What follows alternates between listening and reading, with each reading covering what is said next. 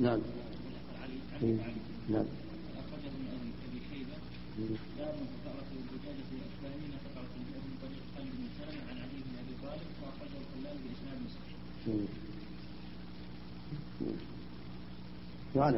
ما يؤثر إلا إذا تغير نعم. الصحيح لا يؤثر؟ نعم. مثل العادية التي يحملها الناس فيما بين يتوضأوا به مثل ما قال النبي صلى الله عليه وسلم إذا شرب الماء الكلب في إناء فليرق لأن غالب الأواني يتوضأ فيها الناس يحملون بها بينهم صغيرة. ولا لم يتغير لأن الغالب أنه يؤثر به الناس. صار قليل تؤثر به الناس. نعم. نعم. ما يضر هذا. يحتاج إلى ظاهر صحته. ولا ولا صحبه معناه معناه الحجه انه لا الطاهر لا يؤثر. يكون أثر عجين فيه أو أثر ورق أو سقط فيه فاكهة أو سقط فيه تمره أو سقط والماء باقي على حاله ما يؤثر. نعم. يزيل الانجاس ويرفع الأحداث. نعم.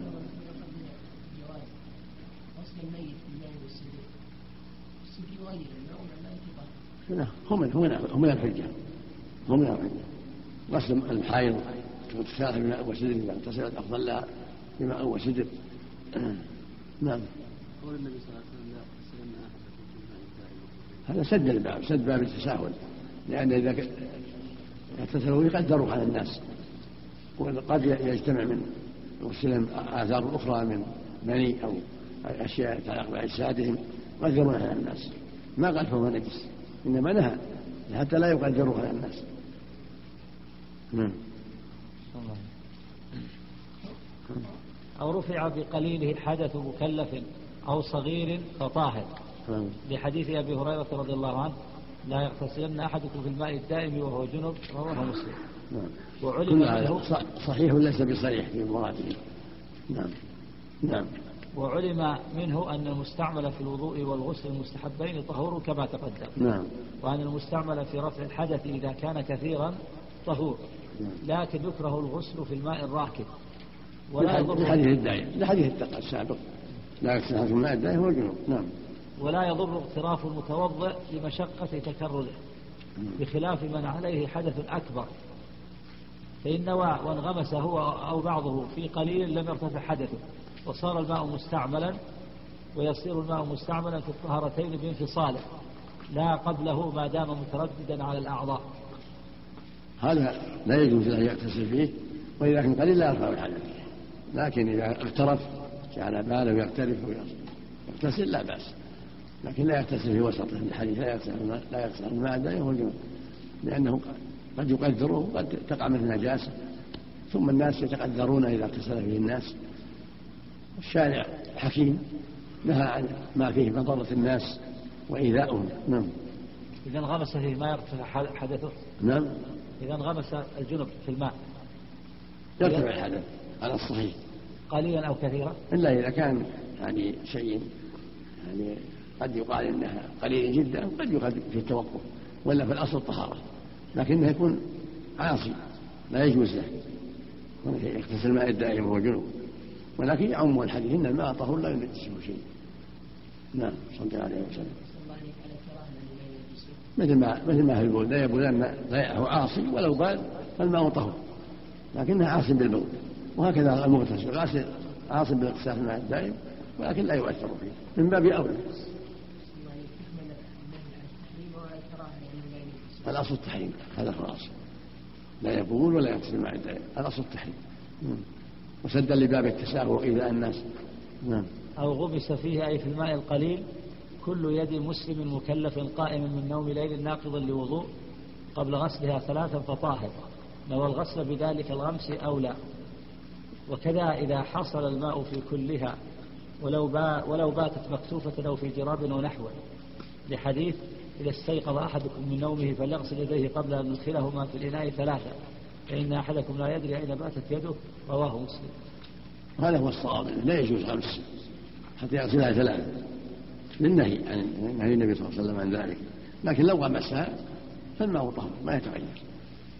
أخطأه ولكن الماء طهور هذا هو الصواب. ما هو طاهر فقط بل طهور. طهور طاهر. ولو غمس في يده فلو غمس يده غلطان أو ناسي له أن يتوضأ من الماء في الإناء. يتوضأ به ويستغفر الله عما حصل من تقصيره. نعم. ولا اثر لغمس نعم. نعم. عامي. عامدا يستغفر الله يخشى عليه من الذنب لأن الرسول نهى. الأصل النهي التحريم وأمر والأصل البر الوجوب فلا يجوز له التساهل. لكن الماء طهور ما يتغير نعم. ولا أثر لغمس نعم. نعم. العلة موجودة أين لو علم أين ولو ولو. نعم. النبي أطلق عليه الصلاة والسلام. نعم. باتت في النوم الليل. نعم. قال باتت. نعم نعم. نعم. نعم. متأكد لا يجب. الصواب أنه يجب. لأن قال فليغسل. والأصل الأمر الوجوب. نوم النهار ما يعمه والحاجة الآخر فلا يغمس. النهي أصل النهي التحريم النهار أسهل. كونه يغسل حتى بالنهار أولى. نعم. ولا أثر لغمس يد كافر وصغير ومجنون وقائم من نوم نهار أو ليل إذا كان نومه يسيرا. لا ينقض الوضوء والمراد باليد هنا إلى الكوع ويستعمل ها ويستعمل هذا الماء. والأصل أنه لا يجوز الغمس حتى من كافر غيره إذا كان في نوم الليل. ولكن الصواب لا يؤثر. غمس يد النائم في النوم في الماء من مسلم أو كافر صغير أو كبير الماء طهور لكن إذا كان مكلف ليس له أن يغمس. الرسول نهى عن ذلك وأمر بأن يغسلها ثلاثا. لكن وجود النهي يكون خالف النهي ناسيا أو عامدا لا يجعل الماء فاسدا الماء باقي على طهوريته. مثل لو اتصل فيه جنوب كثير أو باقي على طهوريته. أو وقعت فيه نجاسة ولم تغيره باقي على طهوريته. ويستعمل هذا الماء إن لم يجد غيره ثم يتيمم. ويستعمله ولا يتيمم الصواب لا يتيمم لأنه طهور. نعم. لما ما, ما في مدد. وهم يجري. ما له مدد. اللي المدد ما يسمى راكب اللي يصب فيه. يعني جدول يصب فيه ما يسمى راكب أو نهر يمشي أو وادي يمشي ما يسمى راكب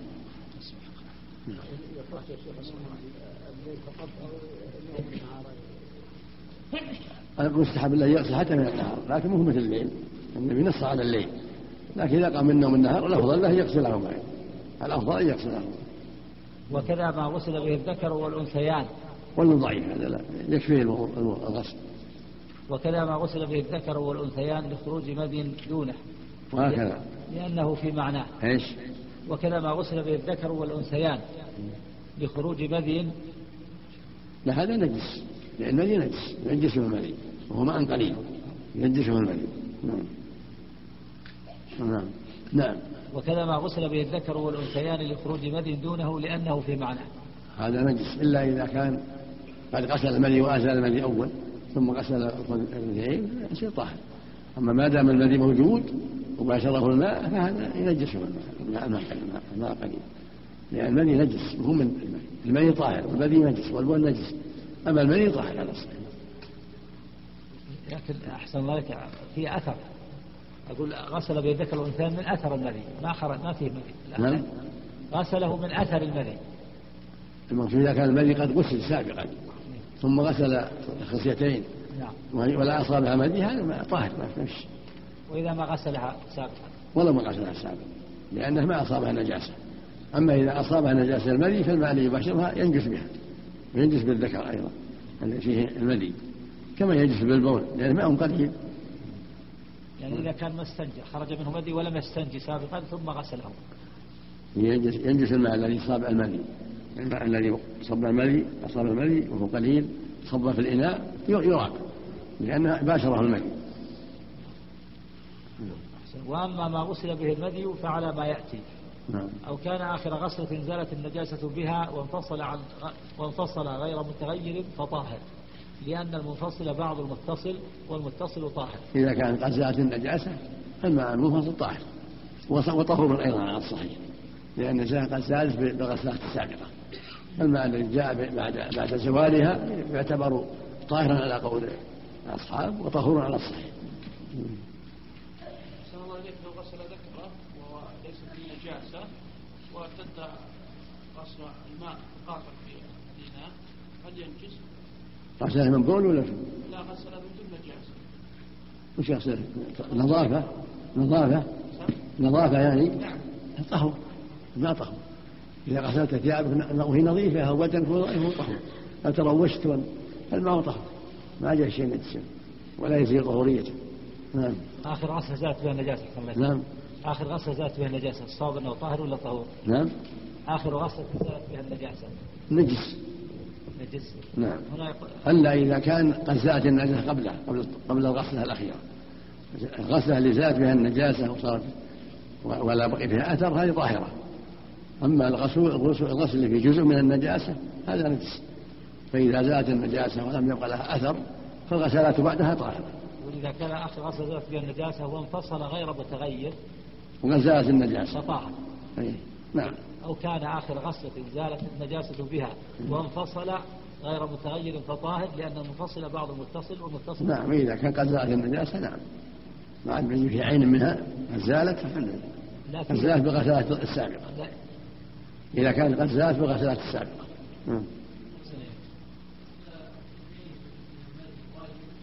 نعم. واجب واجب متعين أنا أمر بغسل الذكر والأنثى من المني نعم. لا صح صح صار جاهل أو ناسي تصح صلاته. لما غسل الأنثيين صار جاهل أو ناسي تصح صلاته. جاهل كما لو صلى في ثوب نجاسة ناسيا ولم يذكر إلا بعد الصلاة صلاته صحيحة. إذا غير جاهل يقتل وشو؟ إذا غير جاهلا يقتل نعم. كان عالم ذاكر تبطل. مثل لو صب ثوب نجس أو بدن نجس وهو ذاكر عالم تبطل صلاته. أما إذا كان ناسي ان في ثوب الشيء أو في بدن الشيء أو جاهل الحكم الشرعي صلاة صحيحة. لأن النبي صلى الله عليه وسلم في عليه وفيها أذى. فلما آذنه جبرائيل بالأذى خلعهما واستمر في صلاته ولم يعيد أولها صلى الله نعم؟ لا بس يغسل طرف الذكر. في البول يغسل طرف الذكر. نعم. صلى عليك. عبارة المؤلف. صلى عليك. مم. لو كان آخر غسلة زالت النجاسة فيها منفصلة غير غير فطاهر هل هذا اختلاف صحيح؟ نعم. إذا كان ما في طهارة من النجاسة زالت النجاسة قبلها قبل ذلك فلا بأس. قال غير متغير. نعم. يعني ما في أثر النجاسة إذا كانت النجاسة قد ذهبت. يسمونها طاهر والصواب أنها طهر. وهم يسمونها طاهر. نعم. نعم. يقطع الصلاة. ولا يخلع ثوب ثاني يمكن خلع ساعة ثوب ثاني. ولا غتره ينطرها يصلي مثل ما خلع النبي عليه وتم الصلاة. النوع الثالث النجس. نعم. النوع الثالث النجس. نعم. وهو ما أشار إليه بقوله والنجس ما تغير بنجاسة قليلا كان أو كثيرا. وحكى ابن المنذر الإجماع عليه أو لاقاها أي لاقى النجاسة وهو يسير دون القلتين فينجس بمجرد الملاقاة ولو جارية. لمفهوم حديث إذا بلغ الماء قلتين لم ينجسه شيء.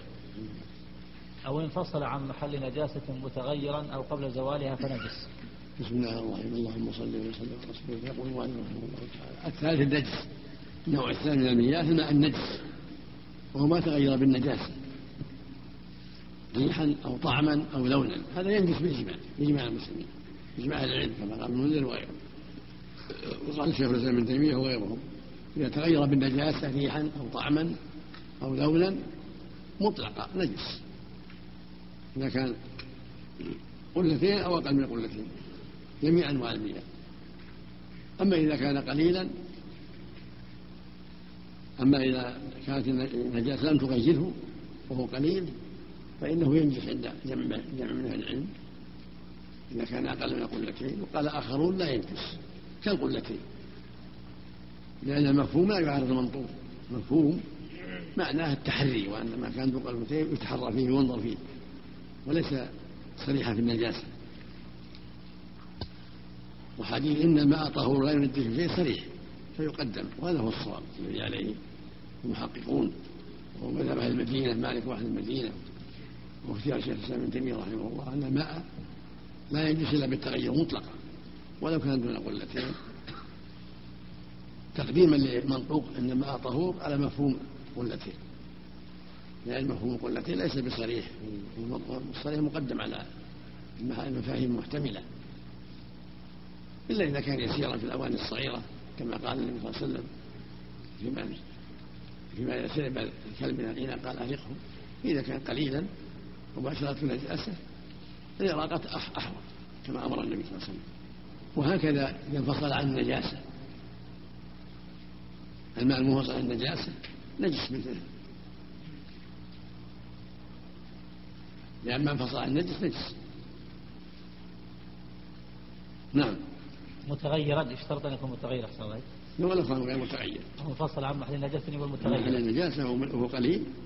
مثل هذا اليسير هذا مثل اللي في الإناء نعم نعم. ولو ما تغير. نعم نعم. نعم. دون القلتين لكن الذي يراقب لا يكون في الأواني الصغيرة. إذا وقعت فيه النجاسة يراقب. كما أمر النبي بإراقة الإناء اللي ولق فيه الشيء. نعم. يعني ما يشترط التغير إذا كان قليل. لا إذا كان صغير قليل عرفا كالأواني يشيلها الإنسان بيده عضاره وأشباهها نعم. صلى الله قوله فينجس بمجرد الملاقاة ولو جاريا ولو جاريا هذا في مذهب أحمد وجماعة. والقول الصواب لا ينجس إلا بالتغير.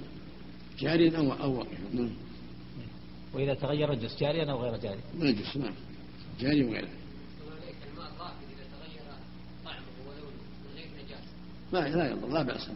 كالمياه التي في البراري تغير بالأوراق والدوائر من الرياح والتراب لا يضر لا يضرها.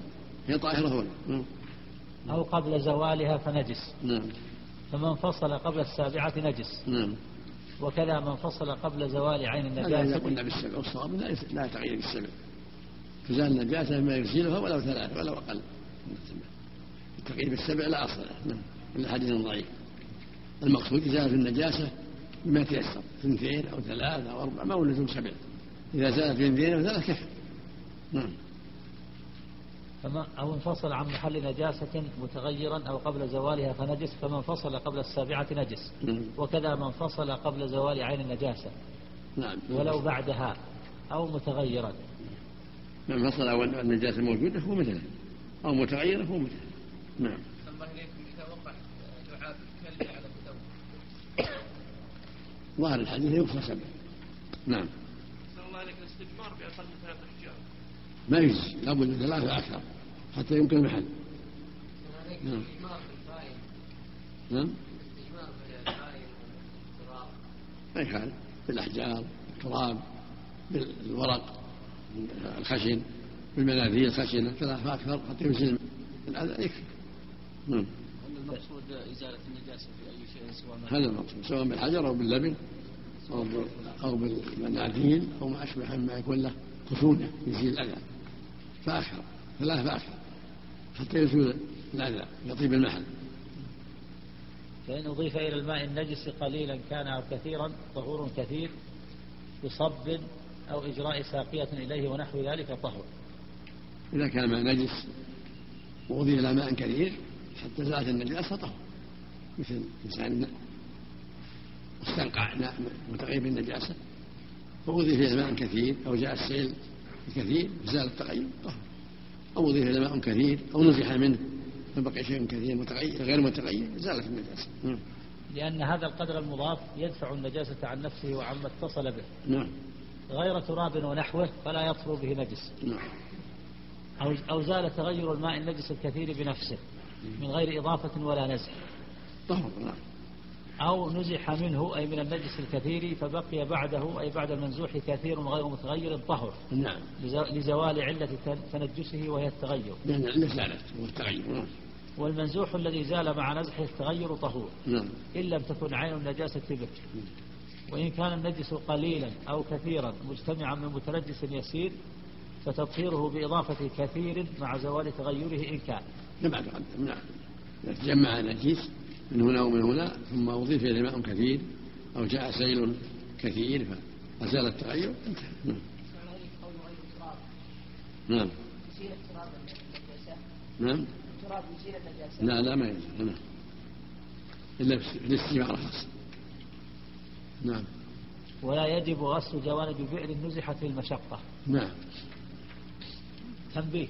محل ما ذكر إن لم تكن النجاسة بول آدمي أو عذرته فتطهير ما تنجس بهما من الماء إضافة ما يشق نزحه إليه أو نزح يبقى بعده ما يشق نزحه أو بزوال تغير ما يشق بنفسه على قول أكثر المتقدمين ومن تابعهم على ما تقدم. وهذا قول ضعيف. إذا تميز من بالعجرة أو الماء بالبول لابد من أن يشق نزحه ما يكفي. أن يكون كثيرا. لا الصواب أنه إذا كان كثير فهو طاهر. ولو جاء في ولو نزل في بول أو ما دام لم يتغير فهو طهر هذا الصواب مطلقا. سواء بول أو غائط أو روث حمام أو روث بغل أو غير ذلك من أنواع النجاسات. ما دام لم يغير الماء فهو طهور نعم. في بئر أو نهر أو غير ذلك. نعم. وإن شك في نجاسة ماء أو غيره من الطاهرات أو شك في طهارته أي طهارة شيء أي طهارة شيء علمت نجاسته قبل الشك بنى على اليقين الذي علمه قبل الشك. هذا هو الأصل. إذا شك في نجاسة الماء فالأصل الطهارة. أو شك في طهارته وهو نجس فالأصل النجاسة. يعمل بالأصل. نجسا وشك هل تطهر أم لا يبقى على الأصل. إن كان طهور ثم شك هل أصابه نجاسة على الأصل. طهور. العبرة بالأصول. نعم. ولو مع سقوط عظم أو روث شك في نجاسته نعم. لأن الأصل بقاؤه على ما كان عليه. ولو ألقى في روث أو عظم شك في نجاسته فالأصل الطهارة. حتى يعلم أنه تنجس بذلك نعم. نعم. وإن أخبره عدل بنجاسته وعين السبب لزم قبول خبره. هذا من باب الإخبار. إذا خبر عدل تراها الماء نجس وهو عدل. وقع فيه نجاسة كذا هل إناء ترى صار فيه بول ترى فيه يقبل إذا كان عدل وعين السبب لأن قد يقول نجس وما يدري إيش السبب. بعض الناس مغفل. نعم. إذا علمت نعم. إذا علمت المسلم أخو المسلم. نعم. نعم. إذا نقيت أصل فيها الطهارة. إذا نقيت زال تغيرها طهرت. نعم. بارك الله فيك بعض المزارع التي تسقى. التنزهات التي تسقى في الماء النجس ثم يأتي فيجلس تنجس الأرض هل هو أن يسأل. عنه إذا كانت قد نقيت في المجاري لا يضر. أما إذا كان عرف أنها نجاسة لا. ولا في الأصل الطهارة. إذا عرف أن هذا ما نجس يغسل ما أصابه وما إذا شك فالأصل الطهارة. سواء كانت التنقية بإضافة ماء أو بإضافة مواد نعم. المجاري إذا إذا نقيت وأضيف إليها مواد بدون ماء بدون ماء مواد أزالت المقصود إذا زال تغيرها ريح طعم لون لأنها كثيرة المياه كثيرة. فإذا زال تغيرها الحمد لله. نعم. ولو ما لم يضف إليها ماء. مطلق. نعم. أحسن الله قد يستدل بالرائحة الرائحة اللي من في من النجاسة ما تضر. كان يكون حوله مسابل أو بيتة. الرائحة اللي جاءت من بعيد ما تضر إلا إذا كانت النجاسة في وسطه نعم. وإن اشتبه طهور بنجس حرم استعمالهما إن لم يمكن تطهير النجس بالطهور. فإن أمكن بأن كان الطهور قلتين فأكثر وكان عنده إله يسعهما وجب خلطهما واستعمالهما ولم يتحرى. أي لم ينظر أيهما يغلب على ظنه أنه الطهور فيستعمله. ولو زاد عدد عدد الطهور ويعدل إلى التيمم إن لم يجد غيرهما. إذا شبه الطهور بنجس تركهما وتيمم. إلا إذا كان النجس إذا وضف أحدهما إلى الآخر لا يغيره هذا لا بأس على الصحيح. إنه طهور ما لم تغير النجاسة نعم. يخلطهما يجب عليه خلطهما. نعم. يجب عليه خلطهما. خلطهما يتوضأ. منه هذا إذا كان النجاسة لا تغير. نعم. ما لا محل. لا. مثلا اثنين ما في تحري لكن يخلطهما والحمد لله. نعم. إذا كان خلطهما لا يغير. نعم قول قول المؤلف ويعدل إلى التيمم لم يجد غيره هذا المقدم عند الأصحاب. من الحنابلة. لازم نعم. أما إذا قلنا أن لا ينجس إلا بالتغير يخلطهما. فإذا لم يتغير من النجاسة فالأصل الطهارة إن الماء طهور لا ينجسه شيء.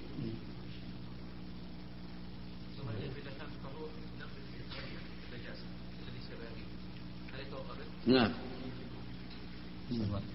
إن هذا مقيد إذا كان دون قلتين يعني. نعم يعني إذا بلغ قلتين ما في كلام. نعم. طهور عند عند الجميع. إلا أن يتغير. الكلام هذا كان دون قلتين هو محل البحث الصواب أنه طاهر أيضا إذا لم يتغير. نعم. ولا يشترط للتيمم إراقتهما ولا خلطهما. نعم. لأنه غير قادر على استعمال الطهور أشبه ما لو كان الماء في بئر لا يمكنه الوصول إليه. نعم.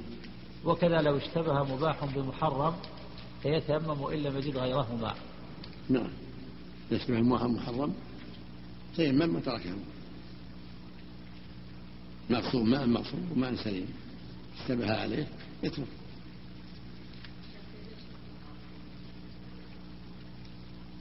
والأقرب والله أعلم في هذا أنها مثل ليس مثل النجاسة يستعملهما ويدخل بالمباح. وهو مضطر لاستعمال المقصود. يستعملهما وتصح الصلاة. وإذا جاء صاحب المقصود يعطيه يعطيه القيمة قيمة ماء إن كان طلب قيمة. الغالب لا مشحة في هذا. الغالب الماء لا مشحة فيه. لكن لو قدر أن له مشاحة يعطيه القيمة نعم. لأن عنده ماء سليم. ولا ولا فيه نجاسة تأثر عليه تنجس ثيابه وبدنه الماء المقصود مهم نجس لكن لو لم لو لم يكن عنده إلا مقصود فقط. لا. يتيمم نعم. ولا يستعمل نعم. عليك عفى الله عنك إذا كان الناس في البلديه وصاحب غنم واضع يعني من الغنم ولم يكن محتاج للوضوء من هم؟ هؤلاء الجماعه هل لهم ان يتوضا عفى الله عنك بدون اذن صاحب الوايد هذا؟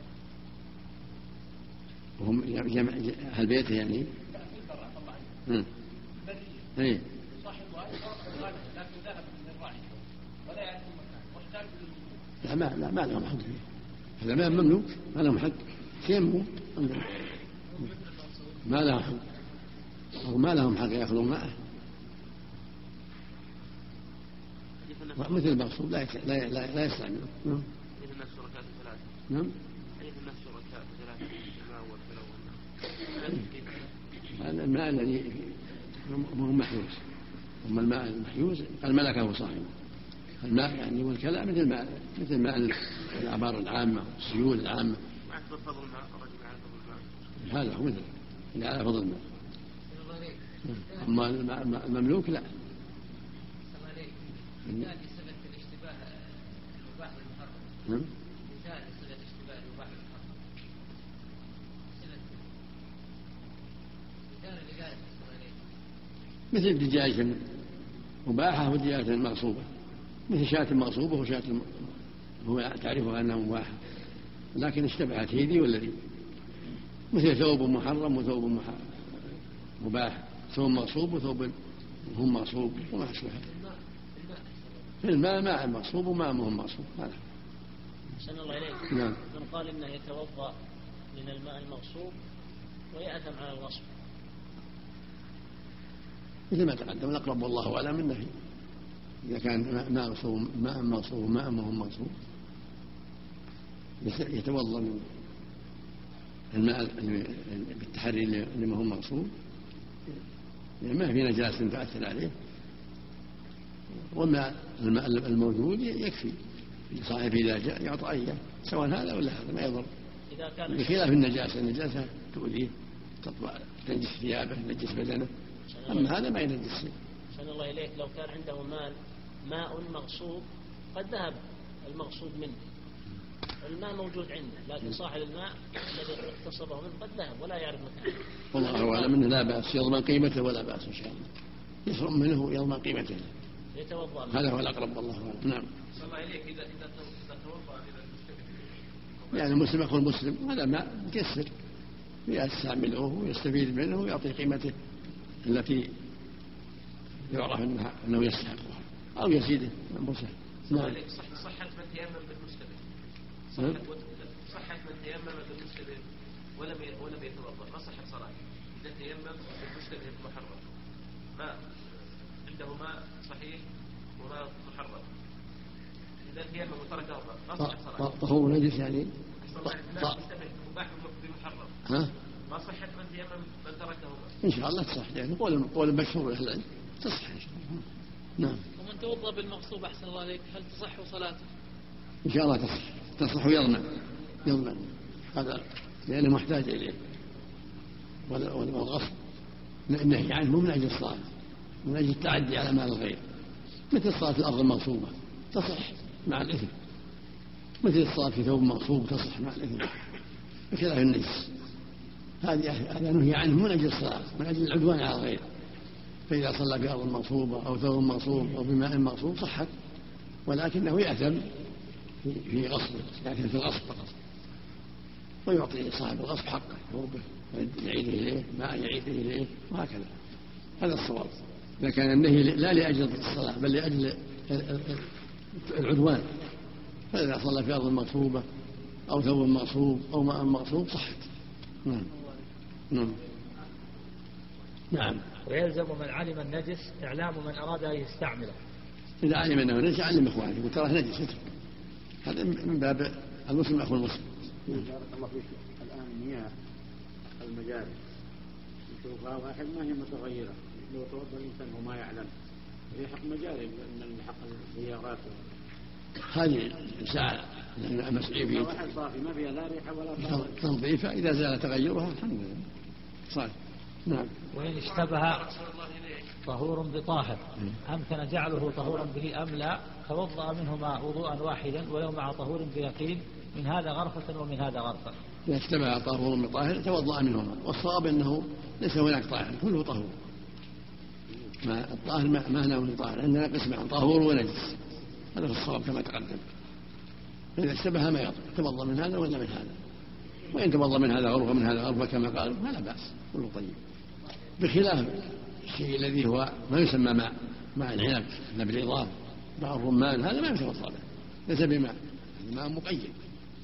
وإنما الماء المطلق هو الماء ماء الأنهار ماء الآبار ماء المطر هذا الماء المطلق توضأ منه والصواب أنه ليس عندنا إلا طاهر ونجس طهور ونجس الطاهر داخل في قسم الطهور إذا لا حاجة أحسن ما لا يأخذ غرفة وهذا غرفة. على هذا قول إذا كان يعتقد هذا القول لا بأس. طيب. ويعم بكل واحدة من الغرفتين المحل نعم. وصلى صلاة واحدة. يكفي صلاة واحدة نعم. قال في المغني والشرح بغير خلاف نعلمه هذا صواب واضح. فإن احتاج يعني غير أحد- خلاف إنه يجزي. ولكن لو توضأ من أحدهما صحت على الصحيح. لأن عندنا أن الطاهر طهور. هذا هو الصواب. ما لم يتغير.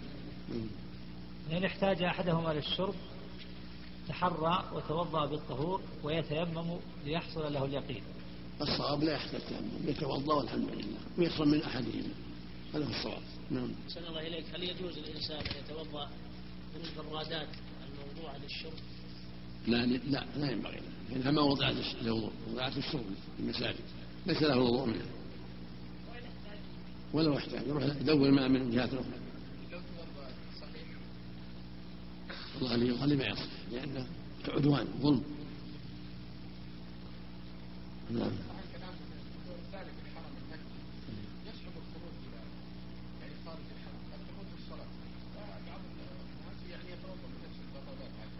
لا لا ما يتوضا يخرج ولو فاتت الصلاة. نعم.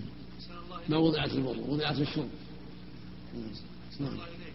ويذكر عن عمر الخطاب أنه مرة هو صاحب له نساء أصابه من الماء. وسأل صاحب عمر عن عن هذا الماء هل هو طهور أم نجس فقال عمر بن لا تخبرنا يا صاحبي مشهور هذا هو الأصل الأصل السلام. هذا مشهور الأصل السلام. نعم.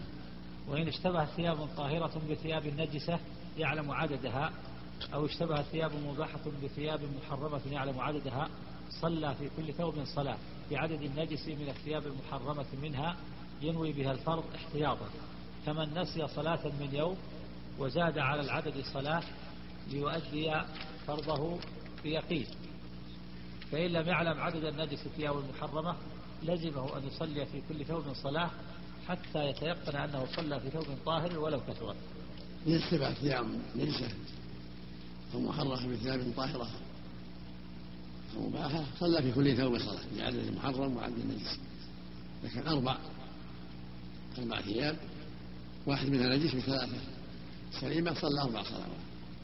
صلى صلاتين ثلاثة صلى صلاتين واحدة تقابل النجس وواحدة تقابل الثياب والعكس.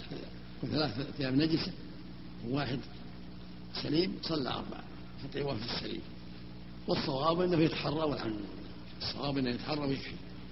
يتحرى هل بعض ظنه أنه ظاهر والحمد لله. هذا هو الصواب. صلاة واحدة. صلاة واحدة بالتحري.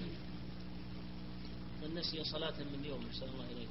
يصلي صلاة واحدة بالتحري إذا كان يعني يعرف أنها رباعية. إن كان شاك ذكر بعض العلماء يصلي ثلاث. ثلاثية وثنائية ورباعية. إذا شك في من الخمس. في نية الفجر ونية المغرب ونية الرباعية. هذا الأقرب والله إذا كان يشك في الخمس كلها ثنائية بنية الفجر وثلاثية بنية المغرب ورباعية بنية الثلاث المعروفات الظهر والعصر والعشاء حتى يؤدي اليقين.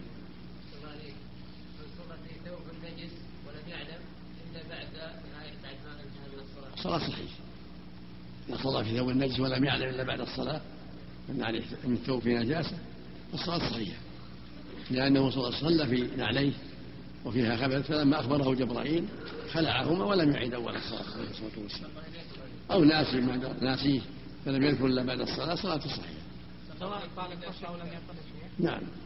ما دام ما ذكر ولا علم إلا بعد الصلاة صلاة صحيحة الله إليكم إذا شك في الرباعية يصلي صلاة واحدة. صلاة واحدة نعم. نية.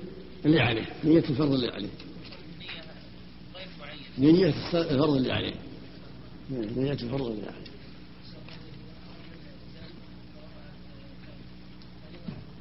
نعم.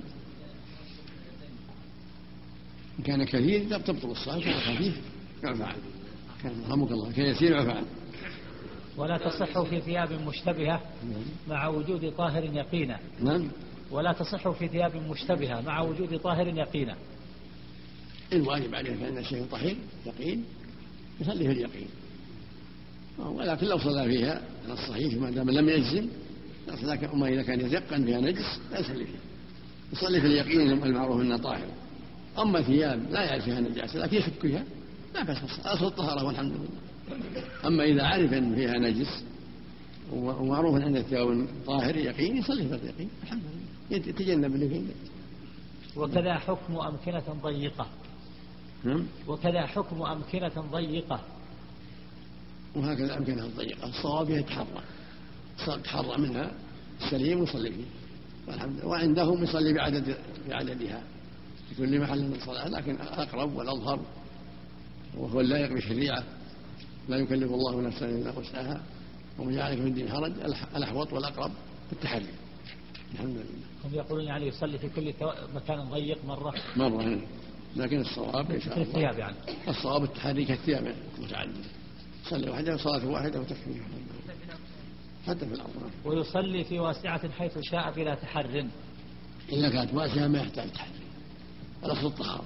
صلاته صحيحة. باب الآنية هي الأوعية جمع إناء. لما ذكر الماء ذكر ظرفه. كل إناء طاهر كالخشب والجلود والصفر والحديد. ولو كان ثمينا كجوهر وزمرد يباح اتخاذه واستعماله بلا كراهة. غير جلد آدمي وعظمه فيحرم بسم الله الرحمن الرحيم. اللهم صل وسلم. يقول المؤلف رحمه الله باب الآنية. لما ذكر المياه وأحكامها ذكر الأواني والأوعية بعدها. فالإناء جمع إناء وهو الوعاء الذي يكون فيه الطعام ويكون فيه الشراب ويكون فيه الحاجات. يقول رحمه كل إناء طاهر ولو ثمين سواء من حديد أو من خشب أو من حجر أو من تراب. أو من غير ذلك. كله طاهر يباح استعماله الأصل الإباحة جميع الأوعية ولو أن ثمين ولو أنه غالي إلا جلد الميت. شيء ممنوع. جلد الآدمي وما يتعلق بالآدمي ده محترم. جلد الآدمي ما يكون من الآدمي محترم لا يستعمل. ظاهره مسلما أو كافرا. لا يتحد منه شيء.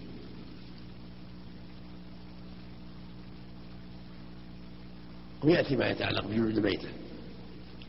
إلا الذهب والفضة كما يأتينا نعم. غير جلد آدمي وعظمه فيحرم. نعم. غير جلد آدمي وعظمه فيحرم. تكلم حشي عليه.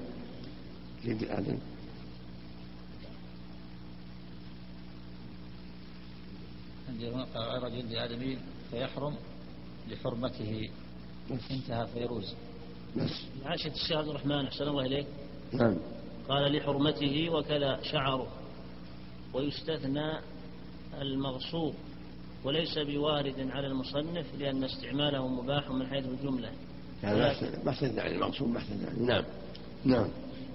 إلا آنية ذهب أو فضة أو ومضبب بهما أو بأحدهما غير ما يأتي. وكذا المموه والمطري والمطعم والمكفة بأحدهما. فإنه يحرم اتخاذهما لما فيه من السرف والخيلاء وكسر قلوب الفقراء. إلا أن الذهب فضة والمضب منها والموة المطعم لأنها جاء جاء النص بالنهي عنها فلا يجوز استعمالها لما فيها من الخيلاء والفخر كسر قلوب الفقراء والنبي صلى الله عليه وسلم علل ب- علل بعلة أخرى لأنها من أواني الكفار ومن أدوات الكفار ولهذا قال صلى الله عليه وسلم لا تأكلوا في السهم والفضة ولا تسرقوا فيها فإنها لهم في الدنيا ولكم في الآخرة. أدلها بأنها مشاربهم في الدنيا وما استعملهم في الدنيا فلا ينبغي لهم أن يتشبه بهم لأنهم من طبيعتهم الكفر والضلال وعدم المبالاة.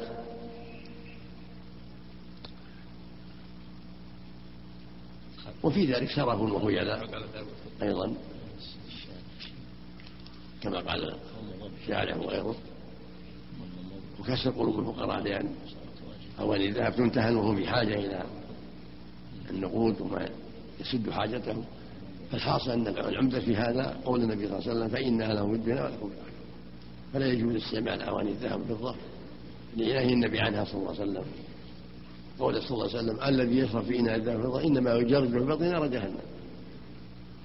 فلا يجوز استعمال أواني الذهب والفضة مطلق حتى الملاعب. حتى الأكواب البيانة والفنجان لأنها أواني. نعم. أحسن الله إليك. التعليل قول فيما فيه من السرف والخيلاء وكسر مع الحديث علل بأن لأنها لهم في الدنيا ولكم في الآخرة لأن يعني كفار ما يحترمون شرعا ولا يبالون. ليس عندهم تقييد بالشرع. الشارح الله تعالى. علل بغير ما غير علل. غير العلة التي قالها النبي صلى الله عليه وسلم. النبي صلى الله عليه وسلم قال بأنه في الدنيا. ومعنى شرف خيلاء لأن الكفار لا يبالون. فلا تشبه بهم في الإسراف والخيلاء هذا مراد الفقهاء. الكفار لا يبالون فلا تكن مثلهم. نعم. نعم يعم هذا لأن هذا هو الغالب. الغالب لكم الشرب والبقية مثل ذلك.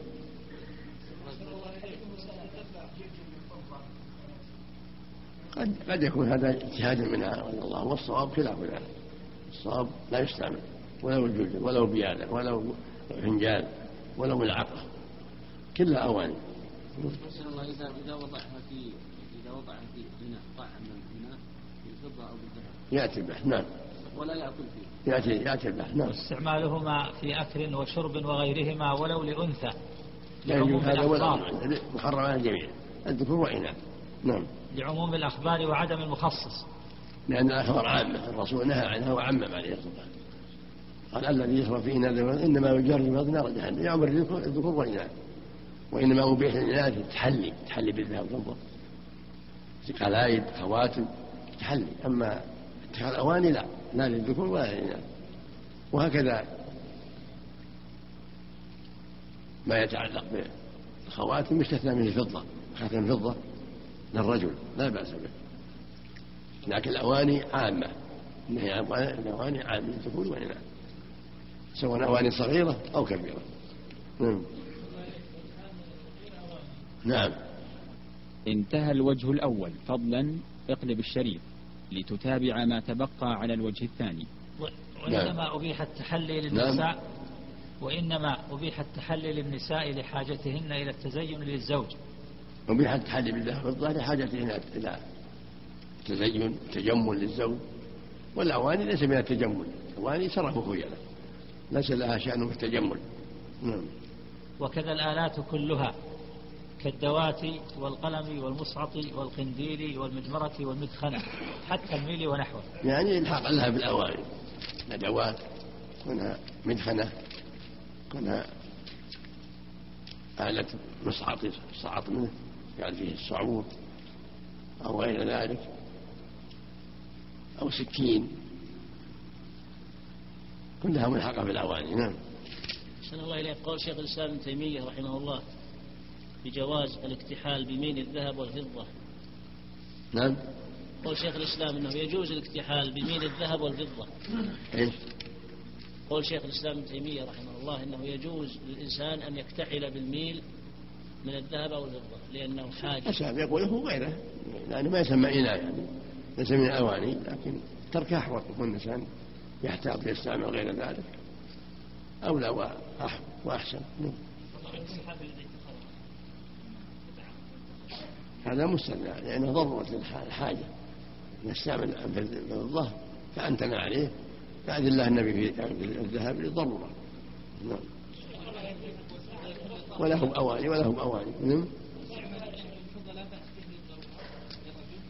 لو ما وجد ماء إلا في إلا في إناء ما وجد إلا إناء ذهب أو فضة يموت ما يموت. يشرب. لو ما وجد إلا إناء ذهب يغرف به أو إناء فضة يغرف بها حتى يشرب. نعم. نعم فينبغي استعماله ينبغي المباح في هذا خاتم الفضة. السن خاتم الفضة. اتخاذ سن الذهب مع وجود غيره. نعم. اتخاذ سن الذهب مع وجود غيره. ترك أحوط. ترك سن الذهب أحوط. هنا يستعمل سنون من هنا مواد أخرى يتخذ منها السنون غير غير الذهب. لكن لو اضطر إليه ما بالضرورة جاء عن بعض الصحابة ربطوا أسنانهم بالذهب للضرورة. في سنده مقال فيه. واللي يظهر انه وإن كان ظاهر سنده السنة لكنه فيما انه شاذ مخالف للأحاديث الصحيحة. وابو داود مثله شاذ مخالف عليه وسلم. قال الكراهة أو للتحريم. اتخاذ نعم. سن- اتخاذ سن الذهب مع وجود غيره. نعم. اتخاذ سن الذهب مع وجود غيره قال للكراهة أو نعم. للتحريم اتخاذ سن الذهب مع وجود غيره. اللي يظهر لي ما ينبغي ما ينبغي اتخاذ سن الذهب مع وجود ما يغني عنه كراهة والتحريم. والأقرب هو الأقرب لأنه ليس بحية للنساء وليس بضرورة فلا يتخذه النساء ولا إلا عند الحاجة هذا أحوط. أما إذا احتيج إليه ما وجد سن غيره وقد يقال بالجواز لأن الصحابة ربطوا أسنانهم بالذهب لكن كونه يحتاط لدينه إذا تيسر له سن من غير الذهب يكون أحوط وأولى. البلاتين يا شيخ نعم. بلاتين مو بذهب ولا ما بأس. نعم. تركها أحوط لأنه مو من حل مو من باب التحلي. كونها تستعمل أسنان غير الذهب هو أحوط إذا- إذا تيسر هو أحوط. من باب لأن السن ليس من التجمل. أسنان للعجل والقطع والحاجات الأخرى نعم. ما لا بأس الحكم ما يضرب الذهب والفضة فقط. نعم. وتصح الطهارة منها أي من نعم. وتصح الطهارة منها. نعم. تصح الطهارة. لو, لو توضأ صحت لكن ما يجوز استعمالها ولكن لو توضأ توضأ صحت الطهارة. مع أنه لا يجوز الاستعمال نعم. أي من الآنية. نعم. وكذا الطهارة بها وفيها وإليها. نعم. وكذا آنية مغصوبة.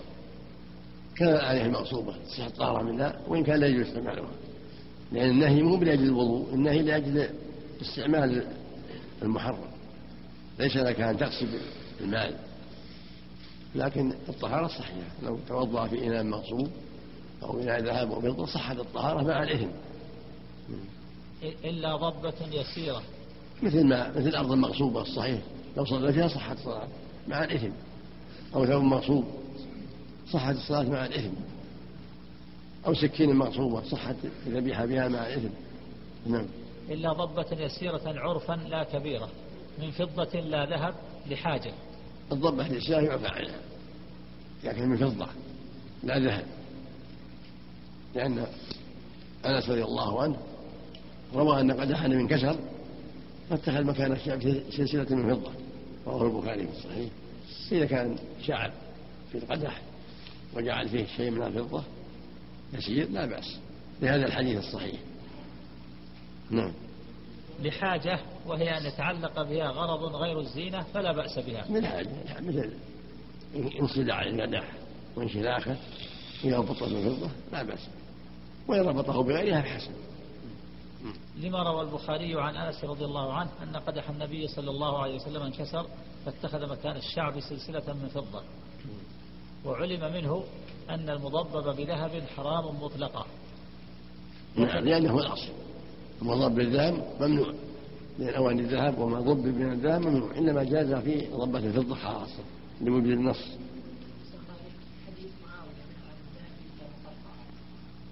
نعم حديث ما هو ما هو واضح أو حديث يرد إلى المحكم. نعم. وكذا المضبب بفضة لغير حاجة. نعم. أو بضبة كبيرة عرفا ولو لحاجة. كله ممنوع لأنه لا حاجة إلى ذلك. إنما تجوز الضبة للحاجة من الفضة خاصة اليسيرة أو بضبة كبيرة عرفا ولو لحاجة. لا يجوز هذا لابد تكون ضبة يسيرة. اختصار النص. لحديث ابن عمر رضي الله عنهما من شرب في إناء ذهب أو فضة أو إناء فيه من ذلك فإنما يجرجر أو إناء فيه شيء. شيء من ذلك فإنما يجرجر في بطنه نار جهنم. رواه الدار قطني. رواه الدار من بن حسن رحمه الله. وهكذا حديث أم سلمة يقول صلى الله عليه وسلم الذي يجرجر الذي يشرب في نار الفضة إنما يجرجر في نار جهنم. رواه الشيخان وهذا لفظ مسلم. ورواه الشيخان بلفظ الذهب بلفظ الفضة. وإذا كان بلفظ الفضة من باب أولى لفظ الذهب كما رواه مسلم. فلا يجوز لا من الذهب ولا من الفضة. نعم. أحسن الله إليك. زيادة أو إناء فيه شيء من ذلك. لا بأس رواه الدار قطني بإسناد جيد. وهذا يدل على تحريم الضبة إلا ما استثناه الشرع. قدح النبي صلى الله عليه وسلم.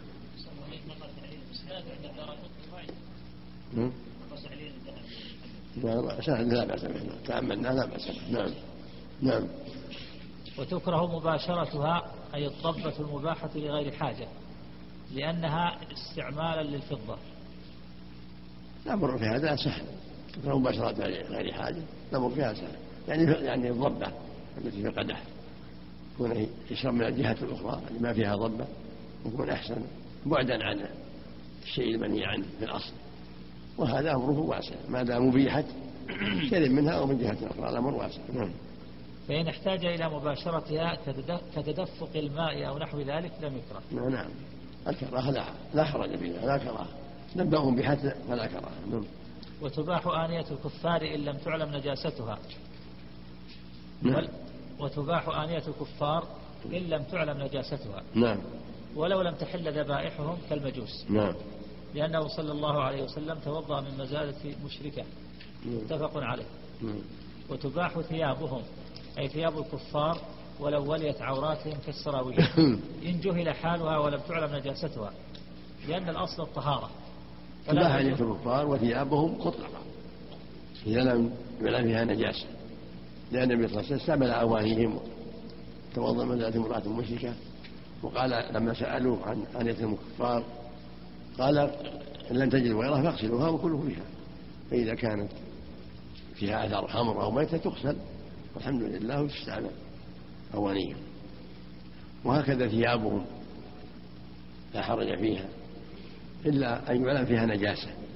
فالأصل الطهارة الأصل الطهارة في الأواني والملابس إلا أن تعلم النجاسة. نعم. لأن الأصل الطهارة فلا تزول بالشك. نعم. وكذا ما صبغوه أو نسجوه. وهكذا ما صبغوه أو نسجوه. وهكذا حصرهم. وبسطهم وغيرها فالأصل فيها الطهارة نعم.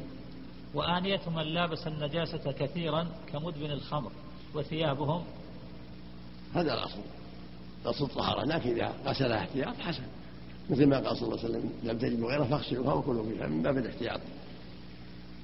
قد يشرب فيها الخمر قد يكون فيها الميتة فالمقصود أنه إذا استعملها لا حرج تصل الطهارة وإن غسلها فهذا هو الأحسن والأفضل. الجمهور يرونه نجس ثم لم يكن نجس هو حرام يغسل أثاره. والجمهور على أنه نجس. الأكثرون من أهل العلم على أنه نجس. نعم. وبدن الكافر طاهر. الأصل في بدن الكافر أنه طاهر هذا الأصل. إلا أن تعلم النجاسة تعلم أنه تلطخ بالنجاسة وإلا في الأصل بدنه طاهر. لو مس جسده رجله أو يده وهي رطبة على أصل الطهارة. لا تكون يده نجسة فغسل وهو لازم. نعم. وكذا طعامه وماؤه. وهكذا طعامه وماءه الأصل في الطهارة. إلا أن تعلم نجاسة. غير الميتة. طعامه مثل الفاكهة مثل غيرها. أما ذبيحته فيها التفصيل. كان كتابي فهي طاهرة. وإن كان وثني لا. الذبيحة نعم. لكن تكره الصلاة في ثياب المرضع والحائض والصبي ونحوهم لأنها مظنة النجاسة ثياب الحائض والنفساء والمرضع مظنة النجاسة. والأصل الطهارة لكن إذا غسلها يكون أحوط. وهكذا من يعرف التلطف بالنجاسات من الكفرة كونه يغسل الثياب حتى لا يصلي إلا في ثوب مطمئن إليه يكون أحسن. من باب دع ما يريبك إلى ما لا يريبك نعم. ولا يطهر جلد ميتة بدباغ. روي عن عمر وابنه وعائشة, وعائشة وعمران بن حسين رضي الله عنهم. وكذا لا يطهر جلد غير مأكول بذكاة كلحمة. ويباح استعماله أي استعمال أي استعمال الجلد بعد الدبغ بطاهر منشف للخبث. قال في الرعاية ولا بد فيه من زوال الرائحة الخبيثة. وجعل المصران والكرش وترا دباغ.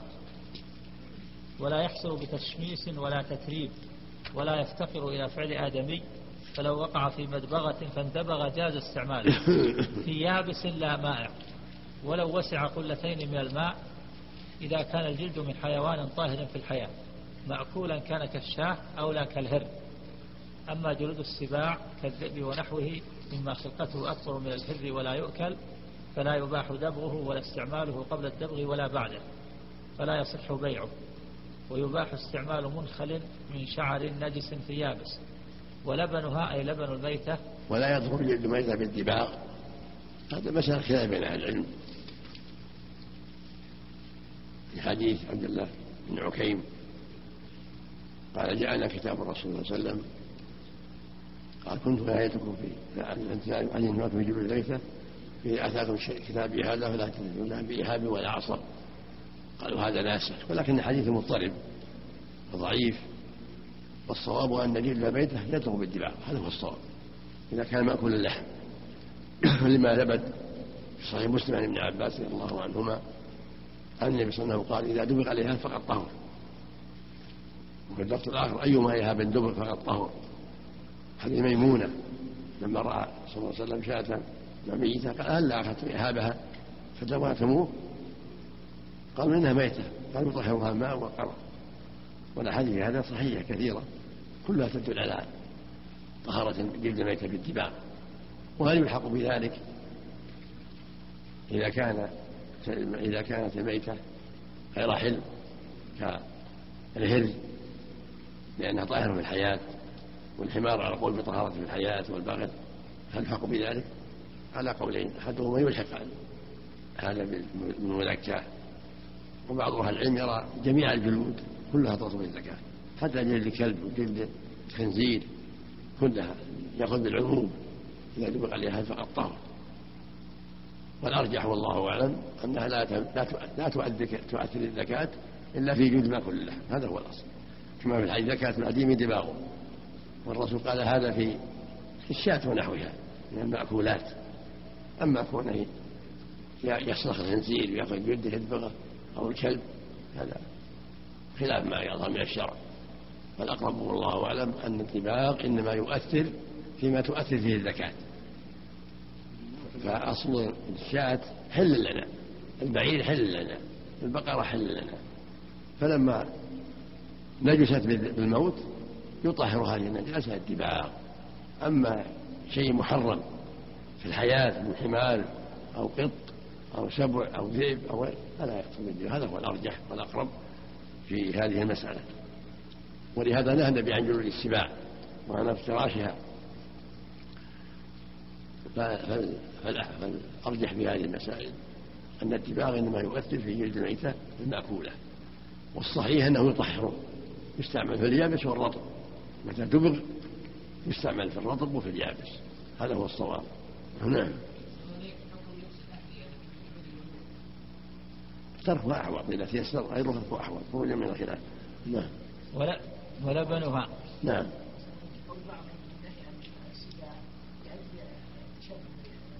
نعم. ولبنها أي لبن الميتة وكل أجزائها كقرنها وظفرها وعصبها وحافرها وإنفحتها وجلدتها نجسة. كل أجزائها نجسة الميتة سواء كان رأسا أو رجلا أو لبنا أو شحما كلها ميتة. حرمت عليكم ميتة. يعني جميع أجزائها إلا الشعر والريش. هذا لا تدخله الحياة على الصحيح ولا يتأثر به الحيوان. قطع الشعر قطع الريش ما تدخل الحياة فإذا انتفع به فلا بأس. هذا هو الصواب نعم. فلا, فلا يصح بيعها غير شعر ونحوه نعم. كصوف ووبر وريش من طاهر في حياة. نعم. فلا ينجس بموت فيجوز استعماله. لأنه لا تحله الحياة. نعم. ولا ينجس باطن بيضة مأكول صلب قشرها بموت الطائر. ولا ينجس باطن بيضة صلب قشرها بموت الطائر. هذا فيه نظر.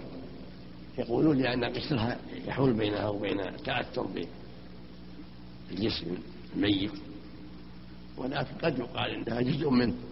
جزء من الطائر الميت. فلما حرم بموت فالبيضة كجزء منه إلا إذا خرجت قبل موته. خرج البيضة منه قبل موته كالحمامة والدجاجة. أما إذا مات واستخرجوها منه بعد الموت فالأحوط تركها لأنها جزء من الميت. قد تأثرت بأجزائه فالأولى تركها وأحوط والأحوط تركها. نعم. عظم الميت أحسن لك. العظم قد يتأثر. ما يدخل فيه من من دهنها ومن غيرها تركه أولى وإن وإن أباحه بعض أهل العلم لكن تركه أولى لأنه قد يتأثر بما يدخل فيه من سواء من شحمها ومن دهنها. الله عليه قوله وجعلوا المصران والكرش نعم. قوله وجعلوا المصران والكرش وترا دباء محل نظر أو محل نظر. النبي صلى الله عليه وسلم قال دباغ العدو الطهر والدباغ معروف. والباقي لا يستعمل إلا إذا كانت مدبوغة نعم.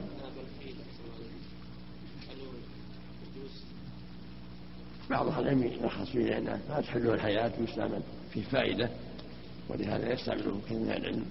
يقول بجواز يقول قوي لأنه أولا في تحريم النظر من جهة كونه ما تدخل الحياة وثانيا يستفاد من فوائد كبيرة.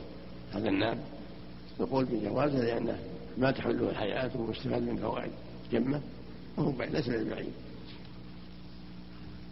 نعم.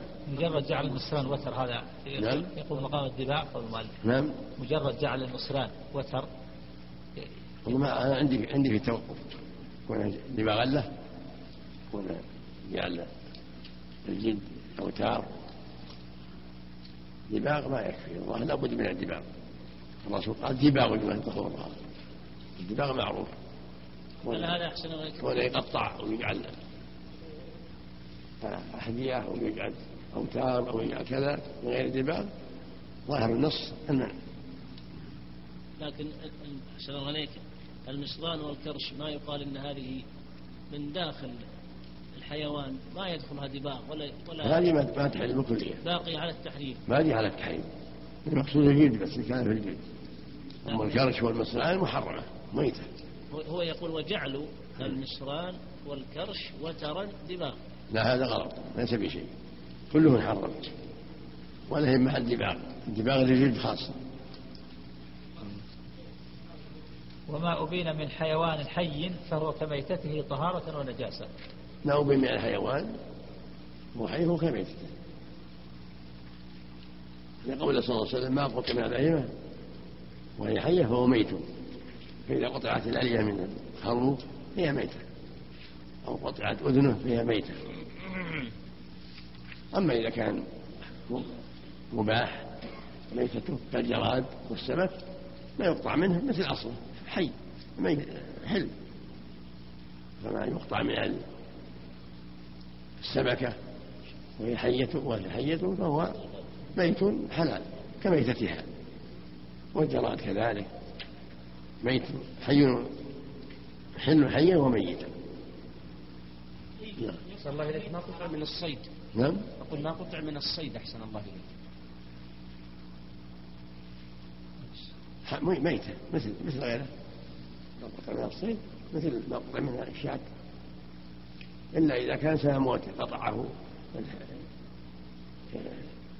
الكلب فمات أو قطعته السلاح فمات. فهو أجزاء كل حل حل. لأن مات بسبب قطع. ضربه السهم فقطع رجله ومات. ضربه الكلب بأنيابه وقطع رجله وأذنه ومات. هو كل حل. لأن هذا قطع هو سبب موته. هذا القطع اللي جراه هو سبب موته. بخلاف ما قطع وهو حي بقي حي. قطعت له بقي حيا قطعت يده بقي حيا هذا يكون ميتا. فما قطع من السمك؟ نعم. نعم. فما قطع من السمك طاهر. وما لا لأن أصله طاهر نعم. وما قطع من بهيمة الأنعام ونحوها مع بقاء حياتها نجس. نعم. غير مسك وفأرته والطريدة. وتأتي في الصيد إن شاء الله تعالى.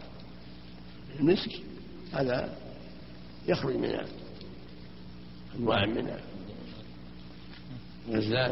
المسك لا بأس به خلقة. مثل ما يخرج اللبن. اللبن طاهر. وهكذا المسك.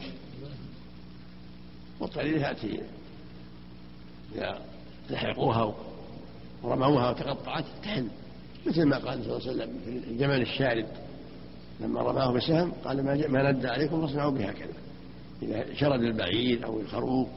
وضربوه ألحقوا رموه حتى حبسوه حتى تقطع تقطع من الشيء حل لأن هذا هذا هذه زكاته كالصيد لما ند لما شرد. يرمى فإذا قتل بالرمي حل. وإن تقطع لأنها هذا طريق هذا طريق الزكاة. هذا طريق الزكاة. أحسن الله إليك. الصيد المسك الله. المسك وفأرته أحسن الله إليك. نعم. المسك المسك وفأرته. يبغى غير مسك. نعم. فأرة فأرة المسك يعني لا شيء. يخرج من بعض الحيوانات. يكون لها مادة تخرج من جهة من في جهة من جهاته مثل ما يخرج اللبن من الضار يؤخذ المسك طاهر. والفأرة فأرة. يعني وعاء. وعاء أحسن الله إليك الصيد حفظك الله. ضربه فانقطعت يده. ثم شرد وبعد ساعة وجدوه ميتا. يأكلون القطعة ولا يتركونها؟ أي نعم تبعه أي يسام موته. يسام موته. لكن بانت وهي حي وبقي ساعة نعم. كاملة وما يدرون أين ذهب ما يدرون ما يدرون لا ما, ما يأكلونها. وإذا علموا أن مات بسببها هذه زكاة أحسن الله.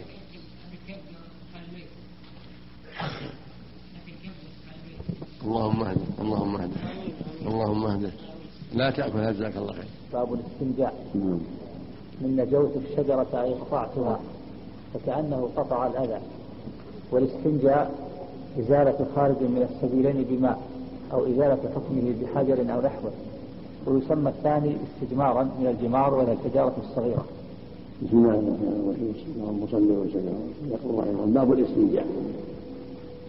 الاستنجاء هو إزالة الأذى من البول والغائط بالماء أو بالحجر. أخذا من جوف الشجرة قطعتها لأن الماء يقطع أثر البول والغائط. وهكذا الاستجمار يقطع حكما على قول من قال لا يطهر. والقول الثاني أن الإسلام يطهر كالماء. ويقطعه أيضا كما يقطعه الماء على الصحيح. كما في الحديث أن رسول الله يسلم بعض من العرف قال إنهما لا يطهران.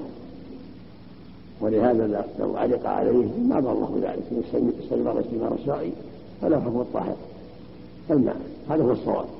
يستنجى بالحجارة ونحوها على وجه الشرعي ثلاث مرات فأكثر حتى أزال الأذى.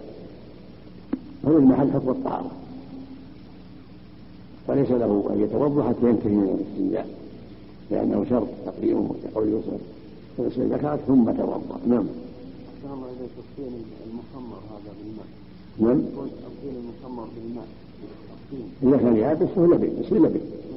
مثل والتراب كذلك مثل اللبن إذا استنجى بالتراب أو باللبن أو بالمناديل أو غيرها كفى كما يأتي إن شاء الله نعم. من قال لا يطهر الله نعم. شبهة من قال لا يطهر باستجمار يعني له حكم الطهارة وهذا لو علق تنجس لكن قول ضعيف نعم يعني طهارة حكما يعني له طهارة حكما نعم نعم. نعم إذا كان ثم الاستنجاء قبل نعم. نعم. نعم. جاء هذا وهذا نعم. يستحب عند دخول الخلاء ونحوه وهو بالمد الموضع المعد لقضاء الحاجة قول بسم الله. يقال خلاء بالمد نعم. وهو محل المعد لقضاء الحاجة يقول يقال خلاء. لأنه العادة أنه خالي من الناس. لأن كشف العورات يحتاج إلى هذا. نعم. نعم. نعم. أصل مأخذ من الخلاء من البرية يعني ما في حاجة خالي نعم. لحديث علي رضي الله عنه ستر ما بين الجن وعورات بني آدم إذا دخل الكنيس أن يقول بسم الله. نعم. رواه ابن ماجه والترمذي وقال ليس إسناده بالقول. أعوذ بالله من الخبث بإسكان الباء قال القاضي عياض وهو أكثر روايات الشيوخ وفسره بالشر والخبائث الشياطين فكأنه استعاذ من الشر وأهله. وقال الخطابي هو بضم الباء وهو جمع خبيث والخبائث جمع خبيثة فكأنه استعاذ من ذكرانهم وإناثهم. هذا السنة عند دخول الخلاء يقول بسم الله أعوذ بالله من الخبث والخبائث. ثبت في الصحيحين النبي كان يقول هذا عند دخول الخلاء، إذا أراد دخول الخلاء قال أعوذ بالله من الخبث والخبائث. بسم الله تسبب بعض الضعف لكن تعرضه الأدلة العامة لأن في بدء الأمور تسمية ولا سيما عند هذا المقام. نعم. إذا نسي ويقوله حينما يكفي داخل لا لا شيء سقط ما يقول عند الداخل يكفي سقط نعم. لهذا في رواية أخرى إلى البخاري إذا أراد أن يدخل. معلقة نعم. تقول عند الدخول. نعم. واقتصر المصنف على ذلك تبعا للمحرر والفروع وغيرهما. لحديث أنس رضي الله عنه أن النبي أن النبي صلى الله عليه وسلم كان إذا دخل الخلاء قال اللهم إني أعوذ بك من الخبث والخبائث. متفق عليه. وزاد في الإقناع والمنتهى تبعا للمقنع وغيره الرجس النجس الشيطان الرجيم. لحديث أبي أمامة رضي الله عنه لا يعجز أحدكم إذا دخل مرفقه أن يقول اللهم إني أعوذ بك من الرجس النجس الشيطان الرجيم. هذا مزيد التعوذ يعني الرجس النجس من إتباع الشيطان الرجيم. هذا من باب مزيد التعوذ في الآية الحشر لا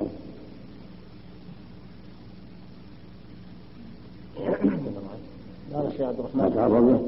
عندي عندي حاشية العنقري ما أتكلم حاشية الشيخ عبد الرحمن؟ قال رواه ابن ماجه. واقتصر عليه في الوجيز وجمع بين الخبرين في المقنع والمنتهى وغيرهما. بس. نعم. نعم. أخرجه ابن ماجه.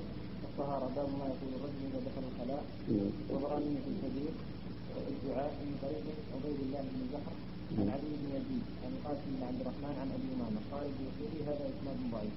وقال ابن حبان إذا اجتمع بإسناد خبر عبيد الله بن زحر وعلي بن يزيد والقاسم فذاك مما عملته ايديهم انظر علي بن يزيد أضعف جدا. عبيد الله ضعيف لكن أحسن من علي بن يزيد. ثم القاسم بن عبد الرحمن روى الثقات لا باس به هل ضعيف نعم؟ زيادة رجس النجس هو داخل المعنى داخل في الخبث والخبائث. معنى داخل في الخبث والخبائث نعم. فلا يشرع الزيادة أحسن نعم. ما تشرع الزيادة نعم. ما تشرع هذه الزيادة على هذا. يضع في الحديث يكفي أعوذ بالله من الخبث والخبائث نعم. نعم. لا لأن رواية علي بن يزيد ساقطة جدا. وعبيد الله جحر ضعيف لكن علي أضعف جدا. نعم. التسمية التسمية عند الوضوء داخل الحمام يستثنى نعم. التسمية عند الوضوء داخل الحمام يستثنى إذا دعت الحاجة إلى ذلك ما تيسر له الوضوء خارج الحمام؟ يسمي عند عند بدء الوضوء. مستثنى. نعم. إذا الحاجة تزول كلام نعم. أحسن الله إليك. لفظه في ابن ماجه الرجس النجس. الخبيث. من باب الإتباع. الخبيث المخبث الشيطان الرجيم. نعم من باب الإتباع نعم. نعم. نعم. يعني ما ما تشرع هذه. يعني هذا الصحيح لوجود سند آخر صحيح ولا الأصل؟ عدم شرعيته يكفي اللهم إنا من الخبث والخبائث نعم. وزيادة بسم الله. نعم. قبله بسم الله. هذا من العموم لا بأس من العموم. عمومات الأدلة.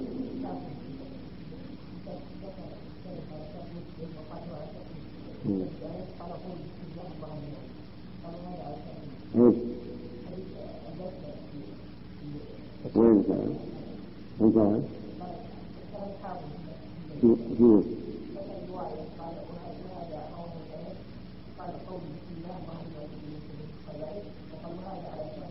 من عزاه من عزاه عندك؟ عندك؟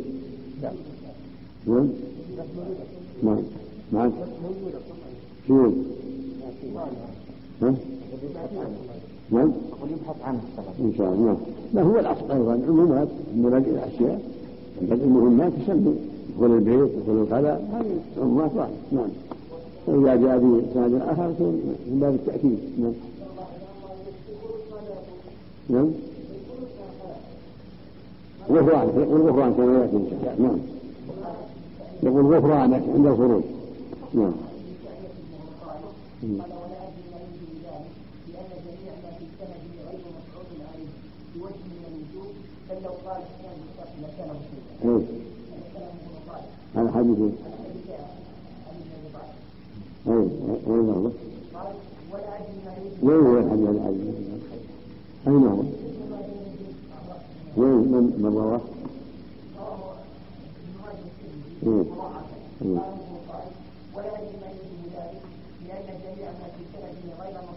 يوعد يوعد يوعد عندكم ماذا؟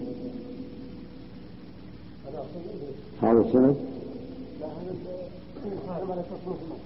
نعم جماعة غير موجودة شاء وقد روى العمري هذا الحديث العمري نعم من طريق عبد العزيز بن المختار عن عبد العزيز بن بلفظ الامر قال اذا دخلتم الخلاء فقولوا بسم الله أعوذ بالله من الخبث والخبائث وإسناده على شرط مسلم وفي مثل هذا في السنة ونصرها في غير هذه الروايه هذا حافظ.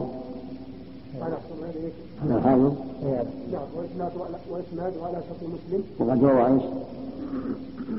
وقد رواه العمري. العمري كذا. وقد روى العمري هذا الحديث. من طريق عبد العزيز بن المختار عن عبد العزيز بن صهيب بلفظ الأمر فقال إذا دخلتم هذا ما هو ما ما بين فرجه والعمري والعمري شخصان العمري عبد الله ضعيف وعبيد الله ثقة. أحسن الله إليك. كلهم يقال له العمري أحسن الله إليك العمري هذا مترجم في طبقات الحفاظ غير الثقة وغير الضعيف. إذا يراجع السند. وراجع السند. نعم. ثم الحديث هذا أحسن الله إليك. رواه الترمذي في موضع يعني قد يخفى. يراجع السند يراجع السند. نعم. تجيبه ولا حد اخواني يجيب نعم. ذكر الترمذي هذا حديث في آخر كتاب الصلاة. يراجع سنده إن شاء الله. أحدكم يعتني به ويخرجه نعم. نعم. ويستحب أن يقول عند الخروج منه أي من الخلاء ونحو غفرانك نعم. أي أسألك غفرانك من الغفر وهو الستر لحديث أنس رضي الله عنه كان رسول الله صلى الله عليه وسلم الحديث. خرج من الخلاء. الحديث في حديث أنس. عند عائشة. غلط. عند عند أنس. حديث عائشة غلط؟ في حديث عائشة رضي الله عنها كان رسول الله صلى الله عليه وسلم إذا خرج من الخلاء قال غفرانك. وهذا الحديث صحيح رواه الخمسه كان جيد نعم. يؤخذ من هذا الاستغفار أنه غفرانك معناه أسألك غفرانك مصدر معناه المغفره قال المغفرة. الاستغفار. مثل رحمتك. احسانك يعني ارحمني احسنك وإذا قال اللهم اغفر لي معنى واحد. لكن الأخرى على السنة. يقول ما قاله النبي أفضل ليس من الغفر والشكر والاستغفار كذلك معنى واحد.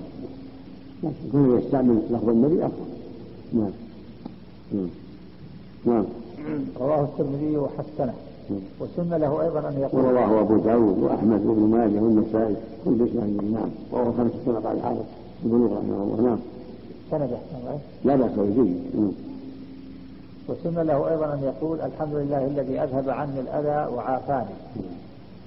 لما روى ابن ماجه عن أنس رضي الله عنه كان رسول الله صلى الله عليه وسلم إذا خرج من الخلاء قال الحمد لله الذي أذهب عني الأذى وعافاني.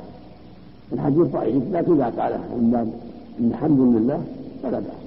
لا على أنه مستحب في هذا المقام لكنه حمد م- م- لا يقوم بالله جل وعلا إذا قال على سبيل الثناء على الله والشكر لله على زوال الأذى طيب. ولكن الحديث سنده ضعيف نعم. الله إليك في الحاشية. نعم. قال رواه النسائي وابن السني عن أبي ذر وقال الحافظ سنده حسن. نعم. تحسين هذا. فيما المعروف انه حد ضعيف. ضعيف الإسلام. نعم. ويستحب له تقديم رجله اليسرى دخولا مع ذكرنا روايات قد مع حديث مع الحديث السابق حديث سوري التسليم نعم. أقول جمعت هذا في القراءة. نعم القراءة الخاصة بالأذكار طيب. مجموع كامل. إن شاء الله. نعم.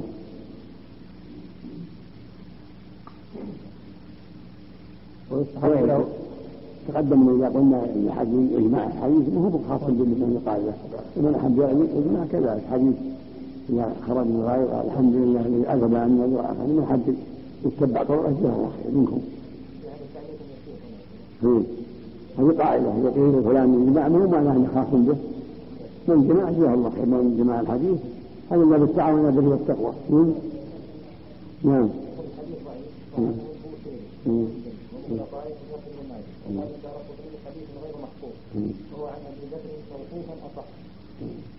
هذا هو نعرف ما دون ذلك لكن كل يعلم بين شيء يخفى يخفى عليه اشياء إذا جمعت الطرق يتبين تصحيح وهذا أو هذا. نعم. نعم.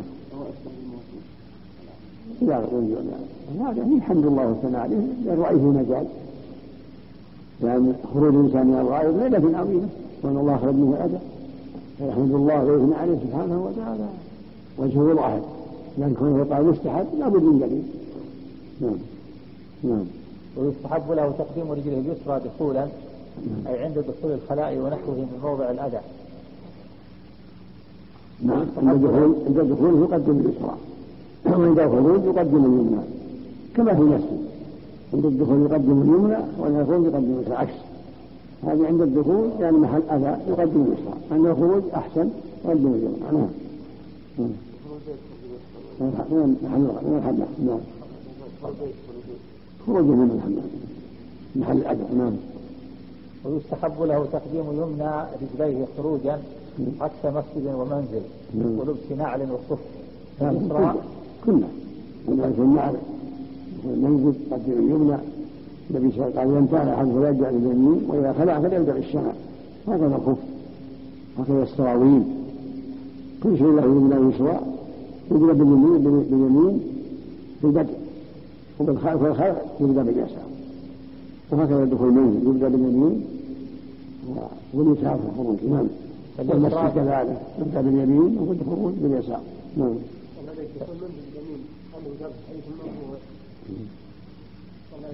نعم. لا لا قياس على ما ما أعلم إلا قياس على غيره على المسجد. دخول المسجد. نعم. اليسرى تقدم للأذى واليمنى لما سواه. نعم. وروى الطبراني في المعجم الصغير عن أبي هريرة رضي الله عنه قال قال رسول الله صلى الله عليه وسلم إذا انفعل أحدكم فليبدأ باليمنى وإذا خلع فليبدأ باليسرى وعلى قياسه القميص ونحوه. هذا في الصحيح لا يحتاج هذا في الصحيح. من جعل احد اليمين اليمين ولا خلاه يد اليسار وأنت من أول ما تفعل وآخر ما تنفع. وهذا ثابت في الأحاديث الصحيحة في البخاري ومسلم وغيرهما. نعم. نعم. دابة دابة يركب باليمين ما هو ما هو هذا شيء ما هو هذا؟ ما يذكر ورد هذا شيء نعم. الله إذا التحم إثنان عند الباب سواء باب المسجد أو باب البيت. يقول يمين يقدم الذي بجنبه؟ يقول للذي بجنبه أخرج قبلي يمين لأنه عن يمينه؟ ما أعرف ما أعرف له ما أعرف له نعم نعم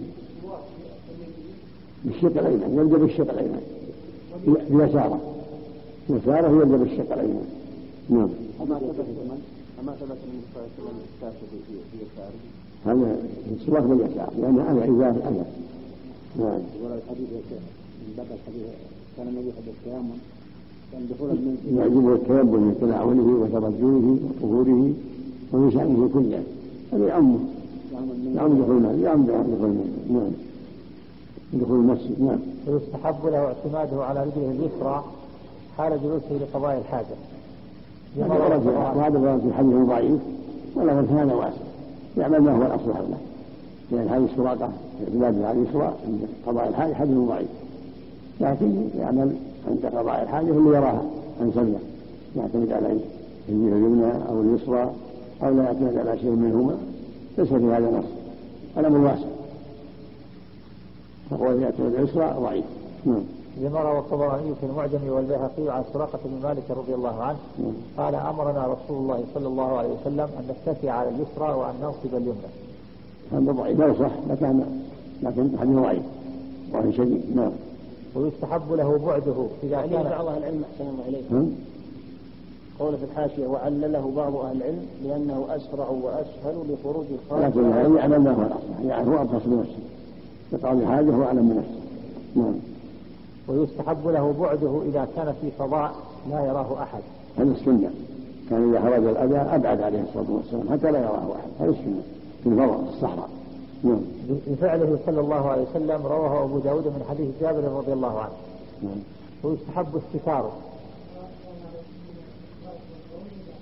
نعم نعم. حتى لا ترى عورته نعم. ويستحب استتاره لحديث أبي هريرة رضي الله عنه. قال من أتى الغائط فليستتر نعم. رواه أبو داود. من فرق بين البول والغائط ببعض الأحاديث الدالة على ذلك. البول أسهل لكن على كل حال يبتعد عن عن- حتى لا ترى عورته أو لا سنه لأنه يعم إذا قضى حاجة. كما يجوز في حديث انس وغيره. نعم. ما جاء أحسن الله إليك أنه استتر لبعض الصحابة؟ ما ما شيء إنما جاء هذه في الاغتسال أما استطاع بعض الصحابة ما أثبتها شيء. في هذا. لا في الغسل نعم. هذا هذا هو الأصل. لأنه يحتاج إلى كشف العورات نعم. نعم. هذا إذا هذا يراه أحد. يقول بأنه قائما وليس يحصره نعم. نعم. وارتياده لبوله موضعا رخوا بتثليث الراء لينا نعم. هشا هذا واضح لأنه إذا كان قاسي هذه يطشش عليه. إذا كان يبول في الأرض يتحرى الأرض اللينة حتى لا يطشش عليه البول نعم. لحديث إذا بال أحدكم فليرتد لبوله نعم. رواه أحمد وغيره. وفي التبصرة ويقصد مكانا علوا. ولعله لينحدر عنه البول. نعم. هذا إذا دعت الحاجة إذا دعت الحاجة نعم. فإن لم يجد مكانا رخوا أوثق ذكره ليأمن بذلك من رشاة البول. الحديث هذا. لا لا ماشي على شيء. قال تجد الدولة على شيء. أحسن الله إليك. حاشية مم. قال الشيخ عبد الرحمن. ولفظ أبي داود عن أبي موسى كنت مع النبي صلى الله عليه وسلم فأراد أن يبول فأتى دمثا في أصل حائط فبال ثم قال إذا أراد أحدكم أن يبول فليرتد لبوله موضعا والحديث وإن كان فيه مجهول فأحاديث التنزه من البول تفيد ذلك. ومن هذا أبو داود طهارة باب الرجل يتبول لبوله وأحمد والسيالسي والحاكم بمعرفة الصحابة والبيهقي الطهارة باب النسيان للبول من طريق أبي عن رجل أسود عن أبي موسى الأشعري. الحديث ضعيف لأن مداره على رجل بن مسنى وقد صححه الحاكم ووافقه الذهبي لكن المعنى معروف. أقول معنى واضح.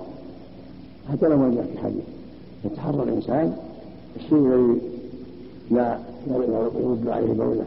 ثم محل الجنب. وليكن فوق ينزل البول عنه. ينزل إلى أسفل. أو يوسع ذكره بالأرض حتى لا يطيع عليه سنة الرسول. نعم.